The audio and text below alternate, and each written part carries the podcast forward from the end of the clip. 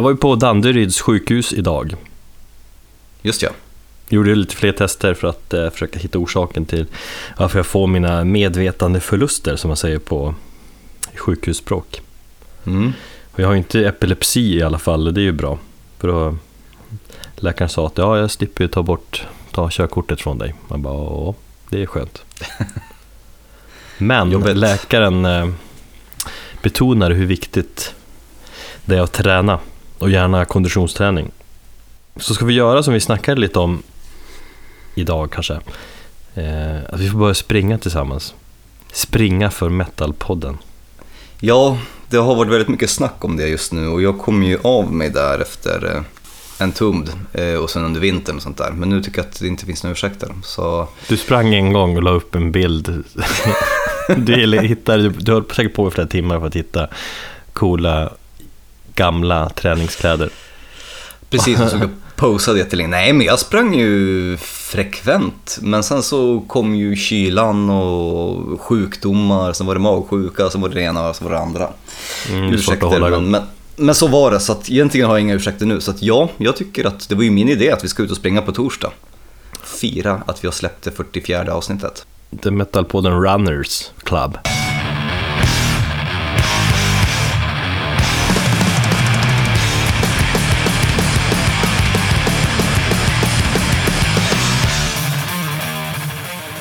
Hejsan! Du lyssnar på avsnitt 44 av Metalpodden. Jag heter Erik och eh, min vapenbroder heter Thomas och låter så här. Tjena! Fan, vi spelar in tidigt ändå idag. Mm. Förhållandevis, kan man säga. 2043 står klockan på, på min dator. Mm, samma här. Avsnitt 44, fan det är rätt eh, cool siffra ändå. Jag tänkte på Café 44. Precis. Vi kanske egentligen skulle ha snackat punkspelningar på 44 eller något sånt. Ja, men nu ska vi inte se några punkspelningar. Vi ska gå på black metal-spelningar istället. Precis. Så vi tänkte snacka lite, eller vad ska vi snacka om idag? Lite black metal, lite så här anklagelser om nazistsympatier och lite Nicke Andersson, lite så. Precis, det blir en härlig blandning från eh, black metal, nazism till Nick Andersson. Däremellan ska vi försöka, eller jag ska försöka mig på en liten ganska kort filmrecension också. Men som ändå är lite metal-relaterat. Just ja, det hade du också. Mm. Eh, jag försökte bli filmrecensent ett tag där, men det gick inte så bra. Mm. Ett tag så hade jag bra koll på filmer och speciellt på B-filmer och, och skräckkulturen. Men sen så tappade jag det rätt så snabbt så att jag får hålla mig till musik helt enkelt. Du har ju ändå märkt att du har ett ganska stort filmintresse. Det har ju jag också. Vi är väl Mm. filmnördar lite båda två. Mm. Ja, som sagt, det är bara svårt att hitta tid att, se filmer. Förut kunde jag ju dra på tre filmer varje kväll. Mm. När man var singel och, och, och livet var härligt. Ja, det är typ det bästa när man när jag får vara själv en helg så här. Det händer ju inte jätteofta, men det har jag gjort, då har jag då går jag alltid ut och super en kväll. Direkt. Till, skillnad, till skillnad från vad då när, du, när familjen är hemma eller och du inte är ensam. Nej, visst, jag, jag drack ju lite alkohol i fredags. Så här, men då åkte jag ändå hem i god tid och gick upp där vid sextiden. Så här, men annars krökar man ju hårt. Det var duktigt av dig att ändå vara hemma före tolv va? Den andra norrlänningen i, eh, eller på jobbet, han, han sa det vid kanske väl tiden, men fan Erik nu, du drar och shottar. och då kände jag att det var någon, det var någon varningsklocka där. Ska jag, ja, ja, nej, det ska jag inte. Jag ska hem. Jag applåderar dig och det beslutet för det kändes rätt så skönt där på, på lördagen, eller hur? Ja, det kändes betydligt skönare än vad det hade gjort. Om jag hade dragit och shottat på Stureplan eller något sånt där. Jag tänkte på det, för du och jag sågs ju i eh, lekparken och eh, våra grabbar fick leka med varandra. Eller ja, de lekte inte så jättemycket med varandra. Nej, De är väl, en, de är väl i den åldern. Men eh, ja, och lite grann. De var lite så här, följde efter varandra. Och din son slet eh, mössan från min son och sådär. gjorde han det? Mm. Ja, men det är ganska vanligt. Han har ju sina saker för sig faktiskt. Vet du vad han gjorde igår när jag vaknade?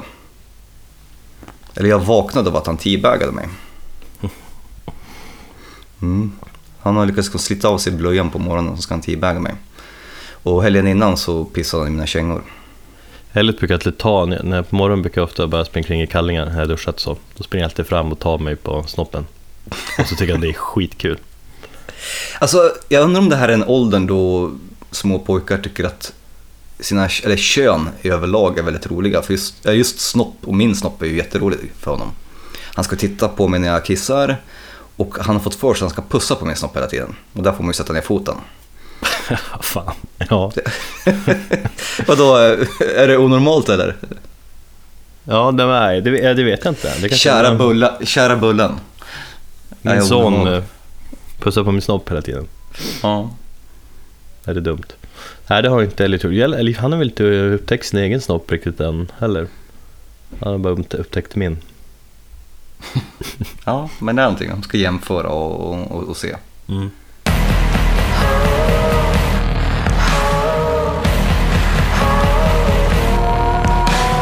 Från snoppar till eh, black metal. Du ska faktiskt på Mayhem på lördag. Jajamän. Det ska inte jag av eh, ja, familjeskäl helt enkelt. Så Fan, lite trist närvara. ändå. Det hade varit kul om vi båda hade gått. Absolut. Eh, hade jag varit i stan så hade jag gått, men jag känner inte direkt att jag är super ledsen över att jag missade det. Heller. Jag vet inte Mayhem, varför. kanske kändaste av alla de där ökända norska black metal-banden från tidigt, eller slutet av 80-talet så här, och framåt. Eh, jag har sett att du har skrivit att de spelar på Münchenbryggeriet, eller är det jag som har skrivit det? Nej, det var jag som skrev det. Det var jag som tog fel. De spelar på en arena. Eh, men de ska ju spela hela Det Mysteris Dum Satanas-plattan, Mm. eller hur fan man säger. Så det blir väl eh, nostalgiskt och mysigt för många. Jag är mest pepp för att två polare, Robert och Kristoffer, som kommer ner. Så det blir kuligt. Men vad har du för, för förväntningar på den spelningen? Noll. Alltså, jag hoppas att, jag tror att det kan vara, alltså att de kan kännas ganska mediokra. Men jag har ju som ingen, ja, men jag har ingen riktig liksom förhållande till dem sådär heller. Här har man hört plattan en del sådär, men jag tyckte ju eh, visst. Nej, men jag tyckte är mycket fjantigt inom de där åren så att säga. Mm. Jag är ju kanske lite mer eh, ledsen över att få missa förbandet, Dragged Into Sunlight. De är ju stenhårda. Mm. Känner du till dem? Nej. Nej, men då se till att inte missa. Jag vet att man säger att, eller ja, det är ju bara ett förband, som du, så missa inte det. Eh, De spelar med eh, rånarluvor på och så är de vända med ryggen mot publiken. Ja, förlåt. Men ja, men vad fan. Alla de där olika varianterna på att vara anonyma. Men Ja. för det lät lite kul att stå med ryggen mot publiken. Men det är så Ja. töntigt också. Så får du se till att Kim inte eh, ja, eh, stage-divar för mycket. Då kommer man bli stäbbad om man gör det på en sån spelning. Jag tror det faktiskt. Fast siffror är lite coolt det där med ryggen publiken. Jag bara få en flashback från typ 2005, 6 När jag var Mm. i Göteborg och såg eh, Danko Jones. Vi skulle se Monster Bang samma helg men de ställde in. Det var då eh, Dave Windorf fick eh, överdos på sömntabletter och så. Eh, Right. Men då var Brant Björk förband. Mm.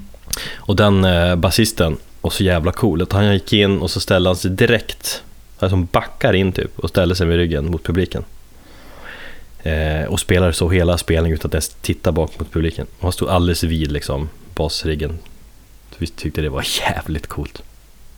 Det kan ju bli lite nördigt det också. Ja men det var liksom, det var så jävla feeling på det på något vis. Han var så inne i sin grej. Ja men absolut, det är ju nördigt men eh, kul. Du får helt enkelt berätta hur det var sen. Ja. En annan fundering som bara kommer upp Mm. nu. Eh, De medlemmar som är kvar i bandet sen det begav sig, vilka är det? Är det Necro Butcher och eh, Hellhammer? Eh, då är ju Attila på trummor, eller trummor, vad säger på sång. Precis, han sjöng Eh. på den skivan.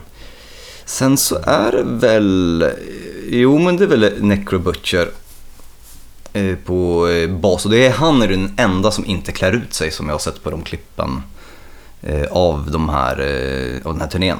Mm. Alla andra kör någon form av, de kör med kåpor, de här sandkåporna lite grann. Just. Eh, han är den enda som skiter i det. Mm. Har de, de, som, de två, har de uttalat sig om kommande Lords of Chaos-filmen?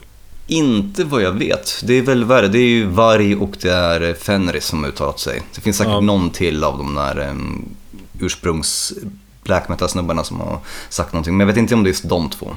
Nej, Men de flesta tycker att det är, det är en larvig grej. Eller alla tycker ju det. Intressant att veta vad de tycker innerst inne. För spontant känns det som att filmen kan göra att intresset för Mayhem kommer öka markant. Tror Det du? hade varit intressant. Ja, men alltså om det slår på rätt sätt och att det blir mycket skriverier. Åkerlund brukar ju ha, vara smart på att marknadsföra sig. Mm. Att man har lite idéer, som bara med Metallica-videon han gjorde och sånt där. Som en typ av för-trailer. Ehm, Så kan, vi kan ju bli det kan ju bli mycket skriverier om det hela. Och då, och om, om vi säger att det blir mycket uppmärksamhet och kidsen få liksom lite koll. Och att då kanske nästa gång Mayhem kommer, att det blir betydligt mer folk, kanske. Att det blir så lite revival. Ja, kanske. Jag tror inte att de eh, bryr sig nämnvärt om eh, filmen och hur den slår. Och i alla fall inte om jag, inte Necro Butcher eller Hellhammer. Vet du varför? För det är inte tillräckligt true. Exakt.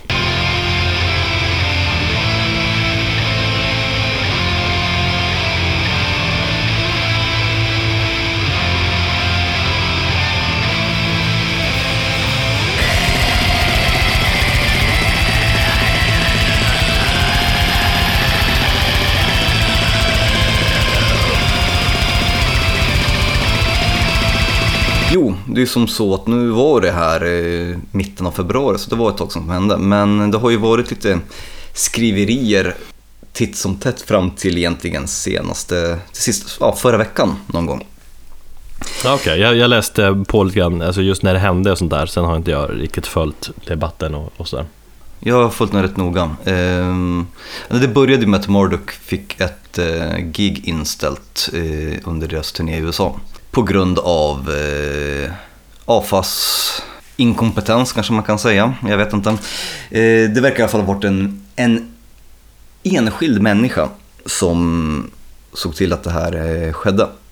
Och det känns som att det är rätt så ofta, eller det händer mer och mer att just AFA börjar rikta in sig på black metal-band och det är inte första gången det sker.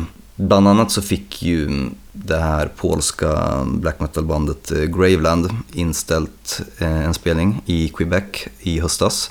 Vilket jag i och för sig kan förstå för att eh, Rob Darken, sångaren i bandet, han är ju öppet nazist. Och jag har svårt att se, eller han säger ju att Graveland inte är ett nazistiskt band men att folk kan få en uppfattning för att den själv är ett nazist. Vilket jag tycker är jättekonstigt att säga. Eller för att han själv har kopplingar till extremhögern. Han, han på något sätt i, i samma mening, det finns ett citat, i samma mening så lyckas han både erkänna och bortförklara sig. Men där kan man ju förstå protesterna väldigt mycket. Absolut. Eh, Det har jag, eh, jag säger ingenting emot det. Däremot så ser jag eh, emot just AFAs sätt att agera och man får väl tänka på att det inte är någon homogen grupp det här utan det här är enskilda personer som agerar i AFAs namn. Det här, det som är ironiska med det här är att det var ju för, jag, den här personen som fick Marduks spelning inställd, det var en tjej tror jag. Mm, de har inte riktigt eh, hittat identiteten på personen många av de här posterna på, på Facebook som eh, den här personen la upp försvann väldigt snabbt när det väl kom fram till att eh, de var fel ute och de hade ju anklagat Mordok för en del nazistiska kopplingar utan någon som helst belägg. Bland annat så var det ju ja, koppling, att Marduks själva, de historiska kopplingarna som var till nazismen.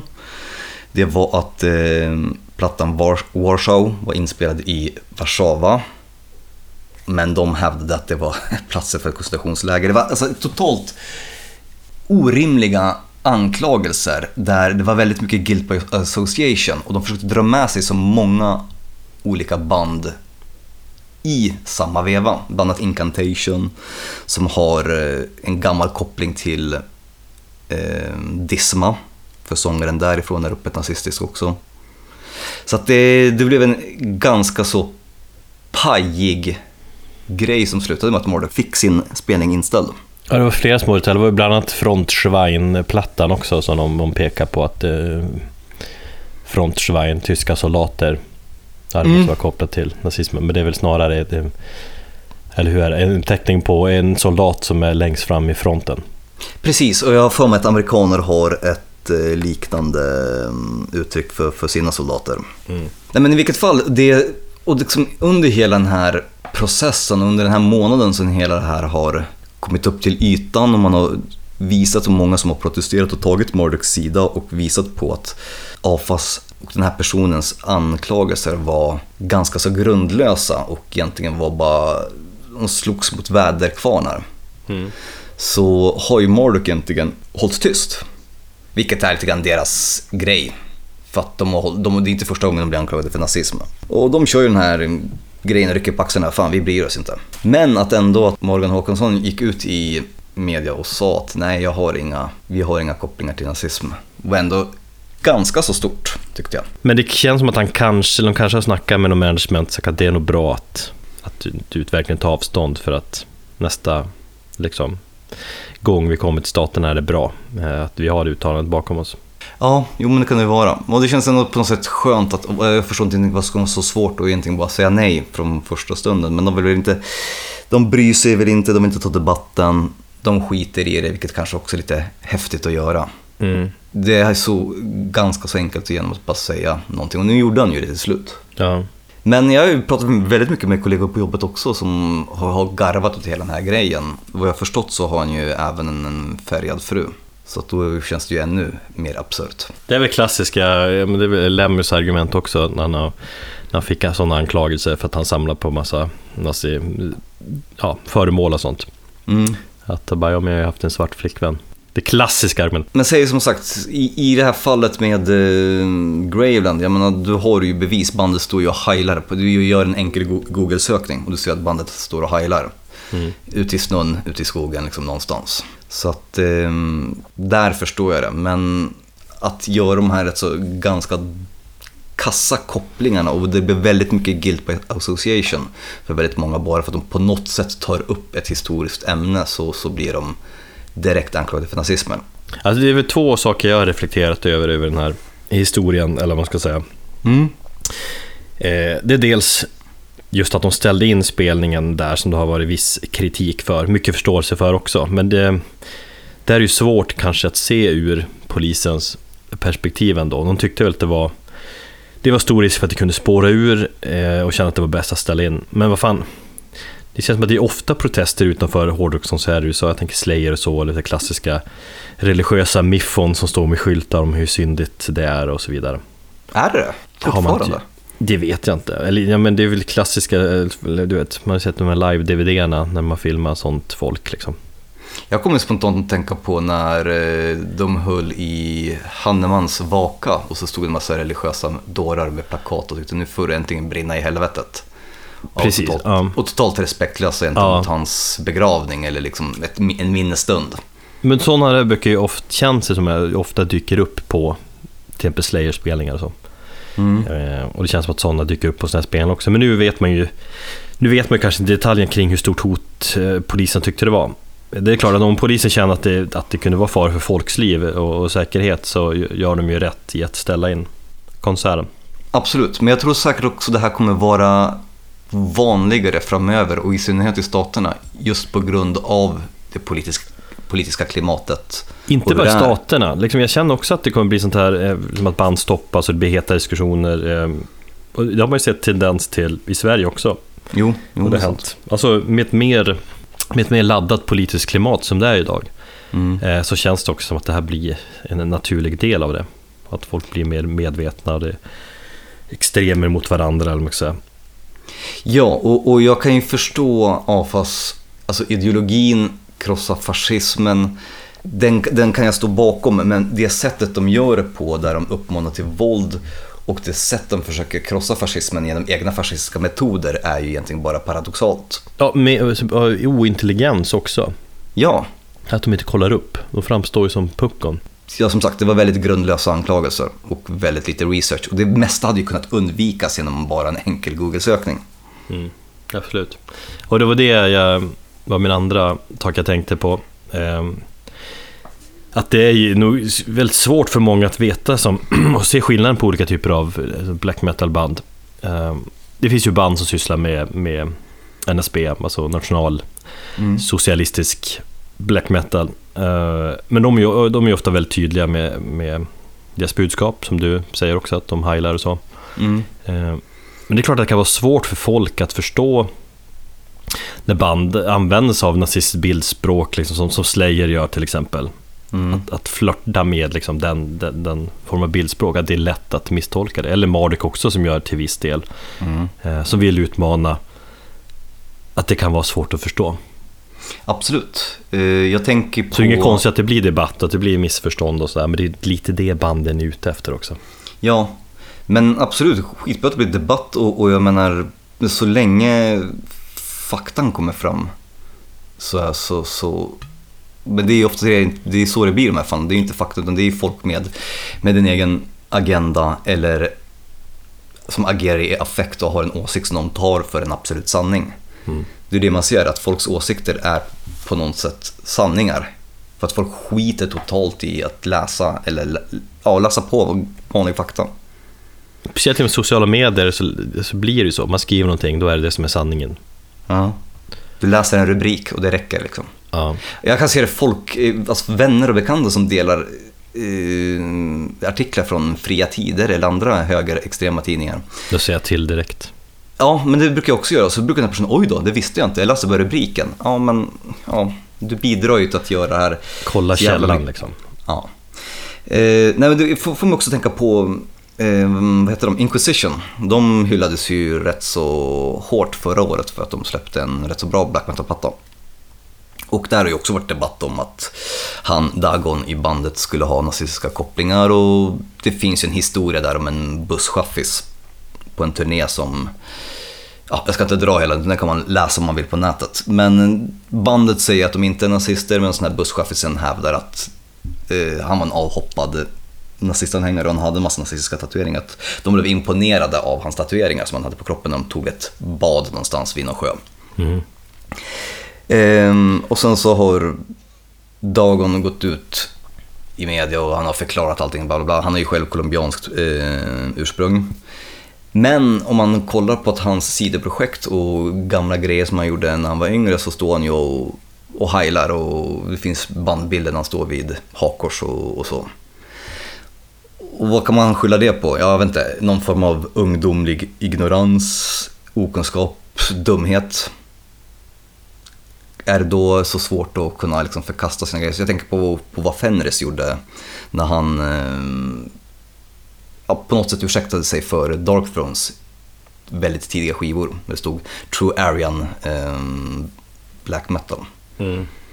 Eller True Norwegian Aryan Black Metal på, på deras eh, skivomslag. Ja, om man så. menar allvar, eller alltså att kunna ta avstånd känns jätteviktigt. Ja, och, och jag kommer att tänka på, jag har en gammal, en gammal barndomsvän, eller ja, vi är inte vänner längre, men han var nazist i typ en sommar.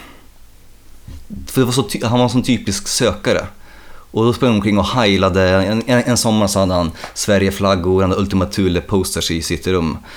Och efter sommaren var slut så var han pingstvän. Så, att, så att, jag menar, det är rätt så tydligt att jag tror att man är 18 eller 19 och speciellt de här unga black metal-snubbarna i början av 90-talet, de, de, var, de var förvirrade, arga tonåringar som var arga på allting, så som Fenris precis har sagt att han, att han var. Och då i vuxen ålder tar avstånd från det. När man är lite mer mogen. Din kompis hade sett uh, filmen Sökarna kanske, eller typ 30 ja. november och de där. Det var så kul för på den här tiden som vi, vet man, eh, CD-brännare var ju jävligt populära. Mm. Eh, och vi brukade, någon köpte en CD-skiva i gänget och så brukade vi skicka den vidare och bränna den till varandra. Då hade han bränt Machine Heads, The More Things Change till mig. Och så hade han ritat ett stort liksom, hakkors med en stor känga som sparkar in en, en, en svart skalle. Liksom. En, ett svart huvud liksom. Mm. Och det var bara så här, hopp.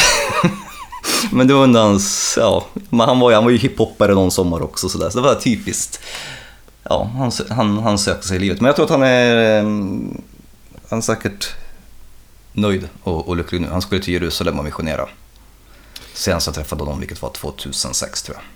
Ändå härligt att han blev så frireligiös, men det är ganska extremt att hitta, ja men ja, hiphop, nej, inte riktigt min grej, men nazism, ja men det här, nu känner jag att jag hittar rätt. För Jag testar det en stund. Ja. Avslutningsvis, eh, så får man ju säga att sammantaget har, är det ju liksom Marduk som har, har tjänat mest på det här ju. Gratis marknadsföring i mängder. Absolut, men Alltså nästa sväng i staterna så lär de ju få fler besökare på konserten och så. Det tror jag, men jag tror också de är så jävla obrydda för de, de skiter i det. De gör bara sin grej och så, så skiter de i allt annat. Utåt sett kanske, men kanske inte liksom internt. Vad säger man, all PR är bra PR eller? Ja. Jo men i det här fallet är det det, i och med att det kommer fram till att de är duktiga, Mm. har vettiga åsikter och så. Jag Yes. menar bara se alla Blabbermouth-artiklar och sånt där eh, om det här. De har ju fått jättemycket uppmärksamhet. Massa, massa gratis marknadsföring Mm. och reklam. Ta inte det här personligt, men du är så jävla dum i huvudet. Du är så jävla lurad. I, I lördags så tittade jag på film, apropå film som vi pratade Jag försökte komma ikapp mitt, eh, min lilla filmlista som jag har. Och jag går igenom lite olika hur man kan säga, länder eller genrer. Jag har varit väldigt eh, mycket inne på sydkoreanska filmer, som du säkert har märkt. Eh, Men nu så... Mm, ja, Ja, jag kollar ju hem-trilogin bland annat där och så. just ja. Ja, just det. Mm. Men jag såg Green Room. Har du sett den? Nej. Eh, ganska intressant film. Den fick mig att eh, fundera över lite, ja, två saker egentligen. Eh, premissen i filmen är ganska enkel. Det är ett hardcore-band som är ute och eh, giggar i USA och så hamnar de på ett väldigt shady ställe eh, med en massa nazister. Och så blir de inlåsta i bakre utrymmet på spelstället och så uppstår en kamp där de ska försöka fly därifrån. Och så blir det någon form av slasher slasher-rysare, typ. Det låter lite halv-B, men kanske med, med glimten i ögat sådär. Nej, den jag tror den filmen tar sig själv ganska så seriöst. Eh, framförallt så är det, alltså det är ingen rysare, det finns ingenting övernaturligt i den, utan den har en väldigt verklig ton, den filmen. Eh, men det som var så bra med den här filmen, det fanns en del negativa saker med den också, men som jag gick igång på, det var att de hade fått till de musikaliska attributen väldigt bra. Eh, när man snackar Hollywood och subkult, subkultur som hårdrock så, så ja, skulle, du, skulle Hollywood porträttera en hårdrockare så skulle de ta någon med, sätta på någon en Metallica t-shirt och en skinnpaj och så bara, men du får spela hårdrockare i den här filmen. Ja, eller ännu äldre, liksom, mer 80-tals hårdrockare. Alltså när jag tänker, jag funderar lite grann på, på hårdrock och filmer, om jag tänker på filmer som eh, Rockstar och Detroit Rock City och Spinal Tap är jävligt bra, men det är med, med humor. Mm. Nej, men om man ändå på ett seriöst sätt så tycker jag att de har oftast inte koll, även fast du och jag är fast i en liten vänskapskrets som där alla har koll. Så kan det ju kännas för oss väldigt naturligt, men inte för Hollywood-människor. School of Rock, men det är också så här, alltid bara mycket humor. Hårdrockare är liksom humoristiska, roliga karaktärer att driva med. Ja, precis. Men det här var eh, hardcore-punkare. Eh, ett fiktivt band som heter The Ain't Right, har jag för mig att de hette. Eh, men det, det jag gick igång på var att de fick till alla de här grejerna jävligt bra. Musiken, kläderna, allting. allting. Jag har aldrig haft så mycket jag har kollat så mycket efter detaljer i en film som jag har gjort här. Det märktes att de verkligen har gjort sin research. Okej, visst. Eh, två av huvudrollsinnehavarna har på sig en Dead Kennedys t-shirt och en Minor Threat t-shirt. Det är kanske de två mest framträdande eh, banden inom genren. Så det, är- det är ju ganska enkelt då, om du nu skulle göra en enkel Google-sökning. Eh, men det var liksom som små grejer som affischer i bakgrunden, klistermärken på, och patchar på sådär som, som bara fan, nej ändå, de har, de har kollat. Det var lite eh, gamla krustpunkband från 80-talet, det var allt möjligt. Och då tänkte jag, jag blev, jag blev imponerad. För det hade varit så lätt att det skulle bli pajet. Måste själv ha väldigt bra intresse och kollare som tagit in hårdrockskonsulter. Ja, ja absolut. Det Ja. Du hade ju en del Warbringer, du hade Conflict, du hade många gamla obskyra band. De spelar till och med någon form av, jag tror de spelar Slayer någon gång i, i, eh, i filmen. En hel del obskyr dödsmetall också som jag kände igen. Så det var så här, nej men fan. Och så fick de till bra, bra koll på, på nazistpunkarna också. Med bomberjackor, Dr. Martens med vita skosnören och allting. Mm. Och sen är det ju Patrick Stewart som spelar över nazin i filmen också, det gillar jag. Han som alltid spelar så, så eh, snäll i alla andra filmer. Ja, just det. Aha. Ja, det är kul Cap- att se en sån som spelar en helt annan roll. Ja, precis. Captain Kirk där. Så att jag rekommenderar den om man har någon form av musikintresse så kan man se den filmen. Sen så kan jag väl tycka att den här filmen lider rätt så mycket av samma problem som de flesta filmer i genren gör. Det är lite grann de här Scream-tonåringarna. De är lite korkade, de gör lite ologiska val och de fattar konstiga beslut. Och det här är ungdomar som skulle kunna bli strypta av trådlösa telefoner. Ungefär så. Just. Det är lite Men- den genren. Ja, precis. Men eh, i övrigt så vill man se en råfilm och se nazister bli skjutna i ansiktet med hagelbussar så kan jag rekommendera den. Och höra på bra musik. 7,1 på IMDB. Jag lägger till den i min watchlist nu.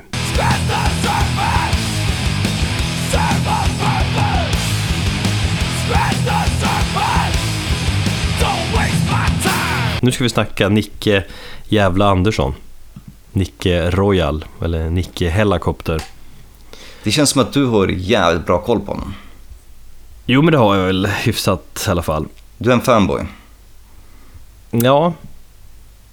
Alltså, man måste ju ändå säga att han... Att han är en, en rockikon i Sverige, om man ska nämna, eller använda sig utav ikon-uttrycket. Mm. Då går det ju att sätta en stämpel på Nicke. ehm, I svensk hårdrock, tycker jag i alla fall. Eh, och många med mig. Annars är väl ändå...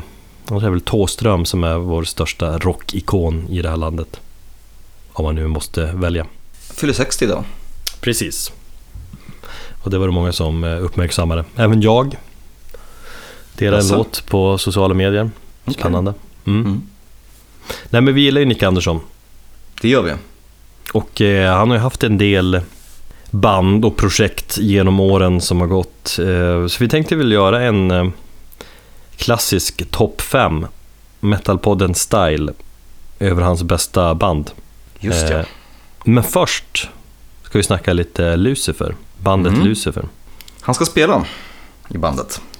Precis. Annars, alltså Lucifers debutplatta som, det var väl helt okej, men jag tror ändå att jag gillade The Oath mer. Alltså bandet som bestod av just, eh, vad heter hon, Johanna Sadonis eller så här. Mm. Och Lin- Linnea Olsson. Eh, och sen splittrades de och så bildade Johanna Lucifer och de släppte en platta. Och nu eh, har Nicke joinat bandet. Jag ska faktiskt heta, säga att jag har svårt för både The Oath och Lucifer, men i eh, det här fallet så föredrar jag nog The Oath lite bättre. Eh, just på grund av att det var, kändes lite punkigare, lite mer ostädat. Eller hur? Det känns, känns lite, eh, Lite skitigare. ja, och inte lika genomtänkt liksom, mer spontant. Eh, jag snackade om, om, om just de här två banden med, med Kalle på jobbet. Vi kom fram till att, eh, eller jag kom fram till att eh, eh, Alltså det, det är rösten som jag har svårt för. Alltså hon sjunger inte dåligt, Johanna. Men det är samma tonläge hela tiden. Och det blir ganska tröttsamt, för mig i alla fall, att lyssna på under en hel skiva.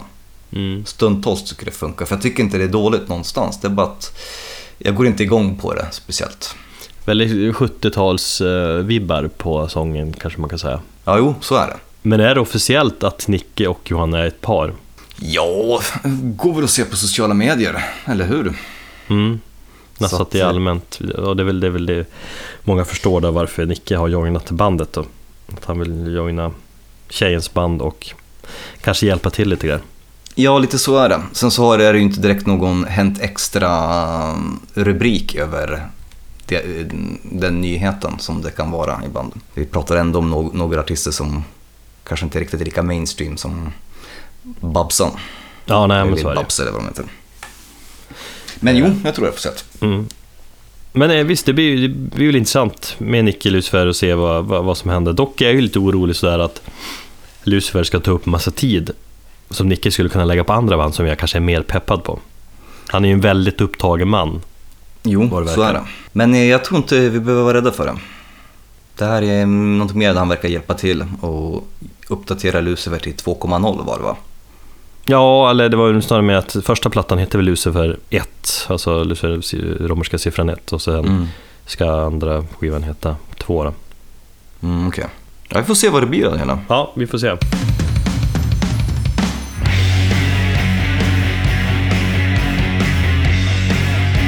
Men nu kör vi. Nicke Anderssons bästa band från plats fem till nummer ett. Alltså, verkligen. Annars brukar vi köra, inte försöka köra någon inbördes ordning, men det gör vi den här gången.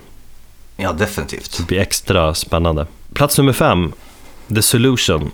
Ett eh, soulband som bildades av Nicke och eh, Scott Morgan heter han, en amerikansk snubbe och musikräv som har bland annat spelat i något band med, med MC5, gitarrist, eh, jag kommer inte på det bandet heter. Eh, har gjort massa grejer. Cool snubbe. Eh, de har släppt två skivor, första kom 2004 och den andra kom 2007 tror jag. Eh, men det är den första Communicate. Communicate med utropstecken där, alltså Communicate. Mm. Eh, Den har jag lyssnat så mycket på. Den körde vi en hel del i rockbaren, kollektivet som jag bodde i när jag bodde i Umeå. Andra plattan heter väl eh, The Solution Will Not Be Televised va? Något med tv sådär, ja.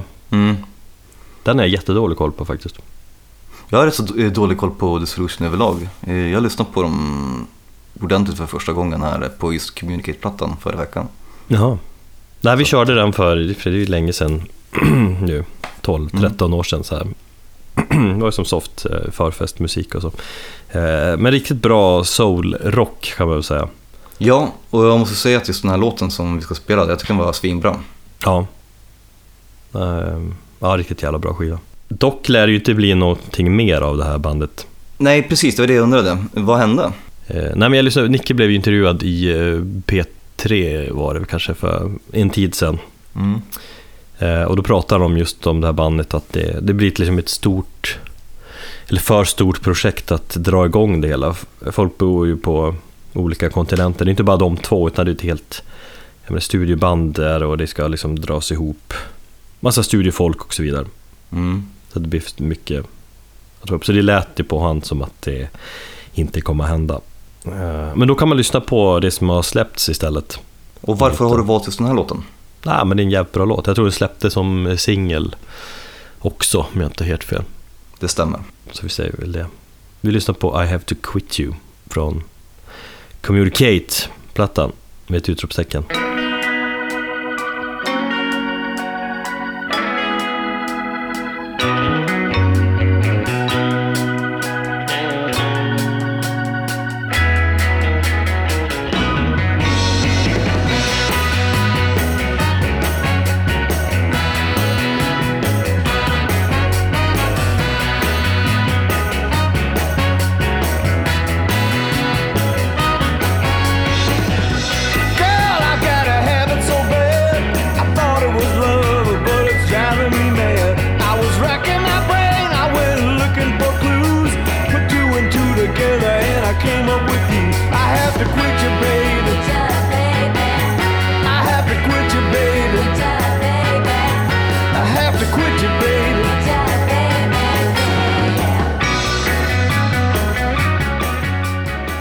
Plats nummer fyra, Imperial State Electric. Eh, rockbandet som Nicke startade strax efter Helicopters gick i graven där för att eh, kunna hålla igång sin, sin rockmusik. Påminner väl ju en, en hel del om Helicopters såklart, även om det inte är lika tungt och inte lika...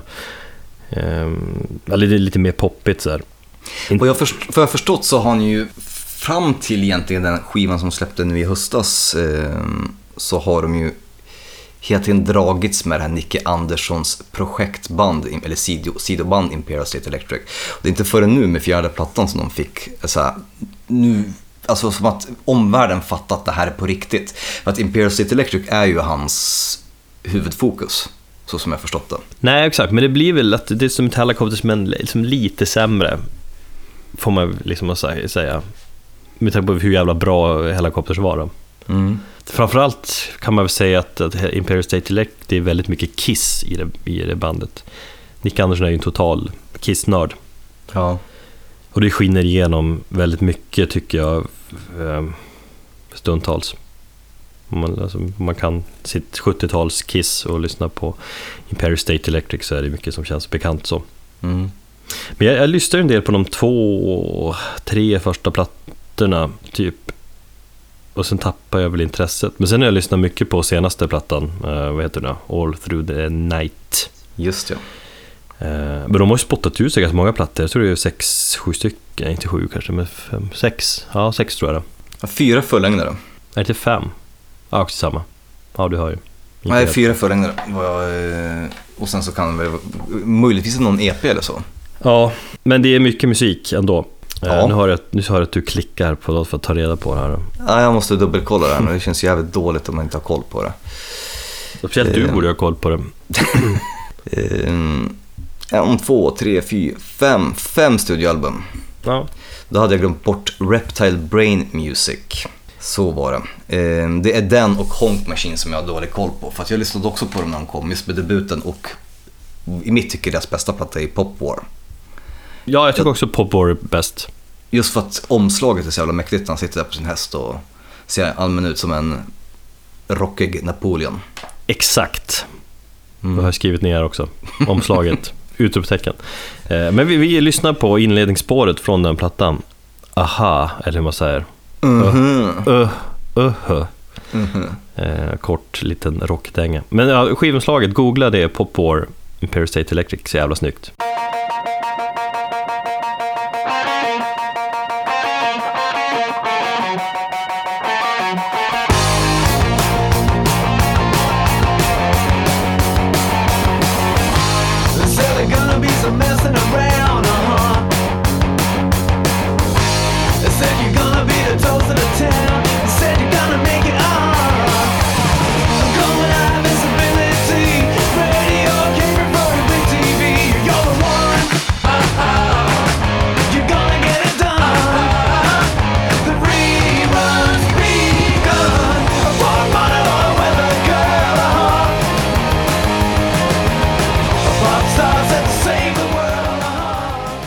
Plats nummer tre säger vi Death Breath. Vi är väl ganska överens om en skiva, eller jag som gjorde listan i och för sig, men du har väl, väl ja. Jag visste ju direkt hur du skulle ähm, rangordna, det var ju inga konstigheter. Nej, det kanske inte är. Eller det beror på om man är, om man är, liksom, om man är rock eller om man är döds. Är man med rock, då, då sätter man skivan, eller listan kanske lite annorlunda. Ja. Är man med döds Du är i och för sig mer rock, tycker jag ibland. Jo, i och för sig. Men inte, fast, eller i och för sig, om man är med i rock eller om man är med i Stockholms döds, om man säger så då. Death Breath, plats nummer tre, bronsplats. Bandet som eh, startade för sådär, eller jag vet inte, men tio år sedan kom ju plattan. Mm. Han fick väl upp suget igen efter att lira death metal och spela trummor. Det är nästan sådär skärmig dödsmetall. Den Mysig. känns, ja, den känns ju jättemycket som om den är typ med glimten i ögat. Ja, och väldigt old schoolig också. Så det är inte, det är inte liksom på allvar, blodigt allvar. Jag tycker jävligt bra platta, Mm. men det är mer så här skärmigt. Man kan sitta och bara digga och känna. Det är inte, det är inte, på, det är inte dödsallvarligt. Och så kan man ju hoppas på en ny platta i år, eller hur? Ja, alltså det har ju varit snack om att uppföljaren ska komma någon gång och det har väl... Ja, men jag tror att den kom...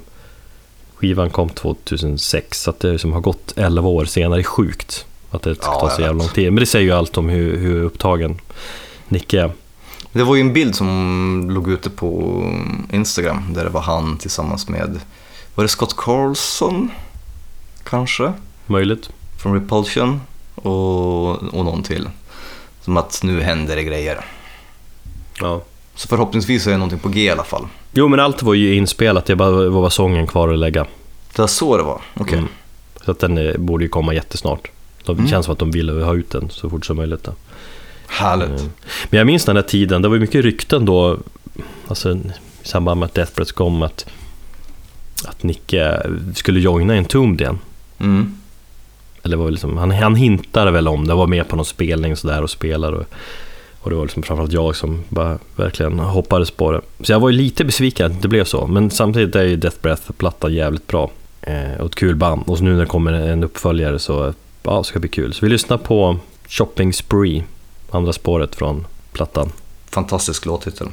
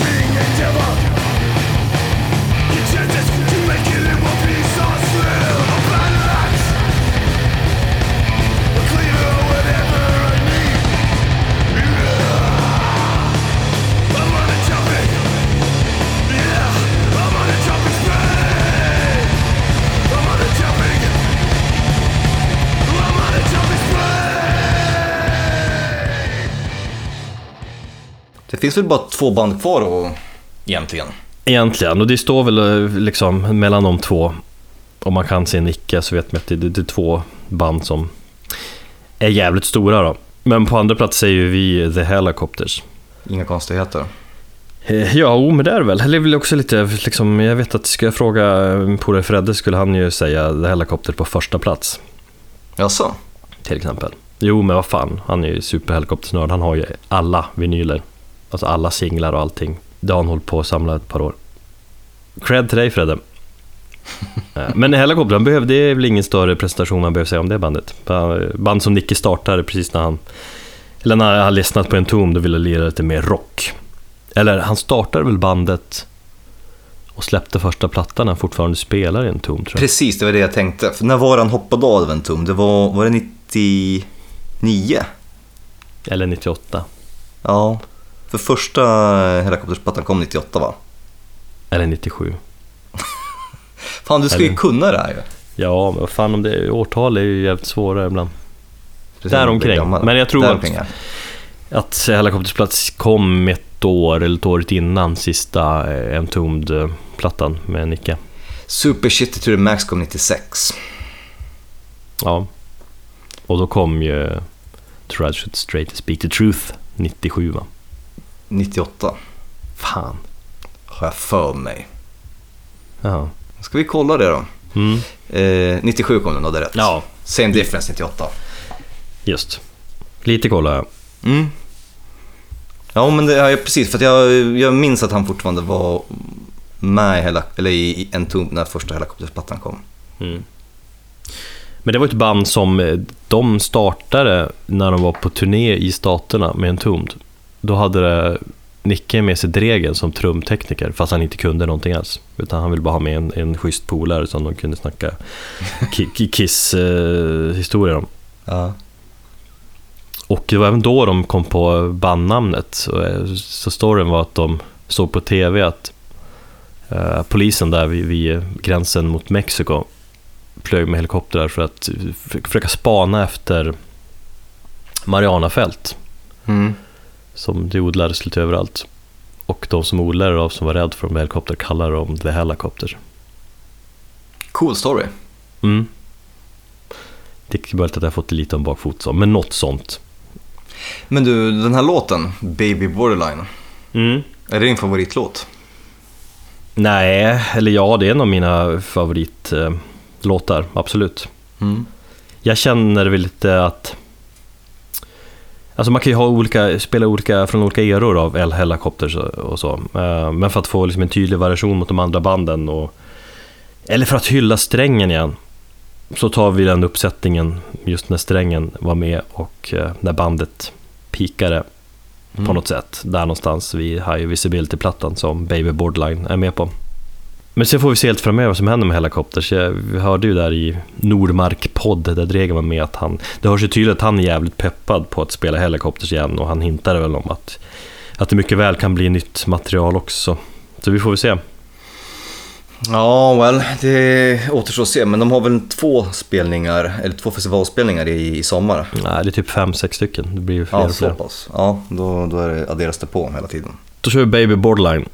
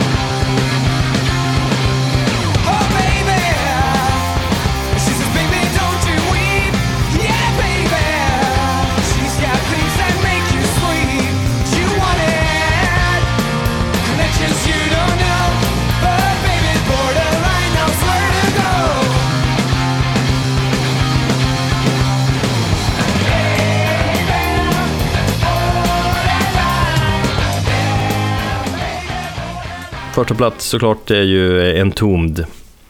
De stilbildande Stockholms dödsarna. Och lite grann vad den här podden cirkulerar kring. Det är ju en tomd. Jag tänker på introt. Ja, allmänt. Väldigt mycket. Vi kommer alltid tillbaka till. Det är, det är vissa grejer som vi alltid på något sätt lutar oss tillbaka mot. Det är en tomd, det är Metallica, Det är Bombus. det är Bombus. Fan, det var länge sedan vi pratade Bombus. ja, det är sant. Får vi möjlighet att... Ja, nästa avsnitt ska vi prata om Bombus. Jag ska ju se den på um, Close-Up-båten. Nej, näst, nästa blir det väl du snackar om det. Ja, förlåt. Ja. Ja. Mm. Det är möjligt att jag kanske hakar också. Vi får se. Klart du ska. Ja, jag vet, jag, vet, jag vill, men det är lite svårt logistiskt sett då, med allt. Men vad fan. Och Aron som sitter och live-kommenterar det här när det här avsnittet släpps. Du kan väl peppa på Erik ännu mer. Ja, det får vi göra. Men med det här sagt så vill vi ju också ja, säga att vi har en tävling där man kan vinna lite Nick Andersson-relaterade grejer. Vi ska ha en Nick Andersson-tävling som kommer senare här. När Vi sänder det här, lägger upp det här på torsdag, så senare under dagen kanske. Mm. Så håll utkik på sociala medier. Så har ni chans att vinna någonting Nicke Andersson-relaterat. Precis. Men vad fan, en tom. Jag måste ju säga någonting om en tom också. Ja. Nicke hann ju med att göra fyra plattor. Spela trummor på fyra eh, plattor. Med en ton. Från liksom de mer de här eh, stilbildande, renodlade dödsplattorna i början till den, den här mer avslutande death and roll-stilen. Som Just. jag är, är mest svag för. Då. Eh, och just To Ride Shoot Straight to Speak the Truth-plattan är den platta som jag håller högst med en tom tror jag. Är det så? Ja, men det är den på något vis som jag verkligen fastnade. Jag, jag, jag kommer ihåg Martin Karlssons recension i Expressen. Ja. Att det var så mittuppslag typ, eller dubbel, kanske inte mittuppslag var det inte, men eh, dubbelsidigt och, och så var det fem getingar. tänkte jag, fan.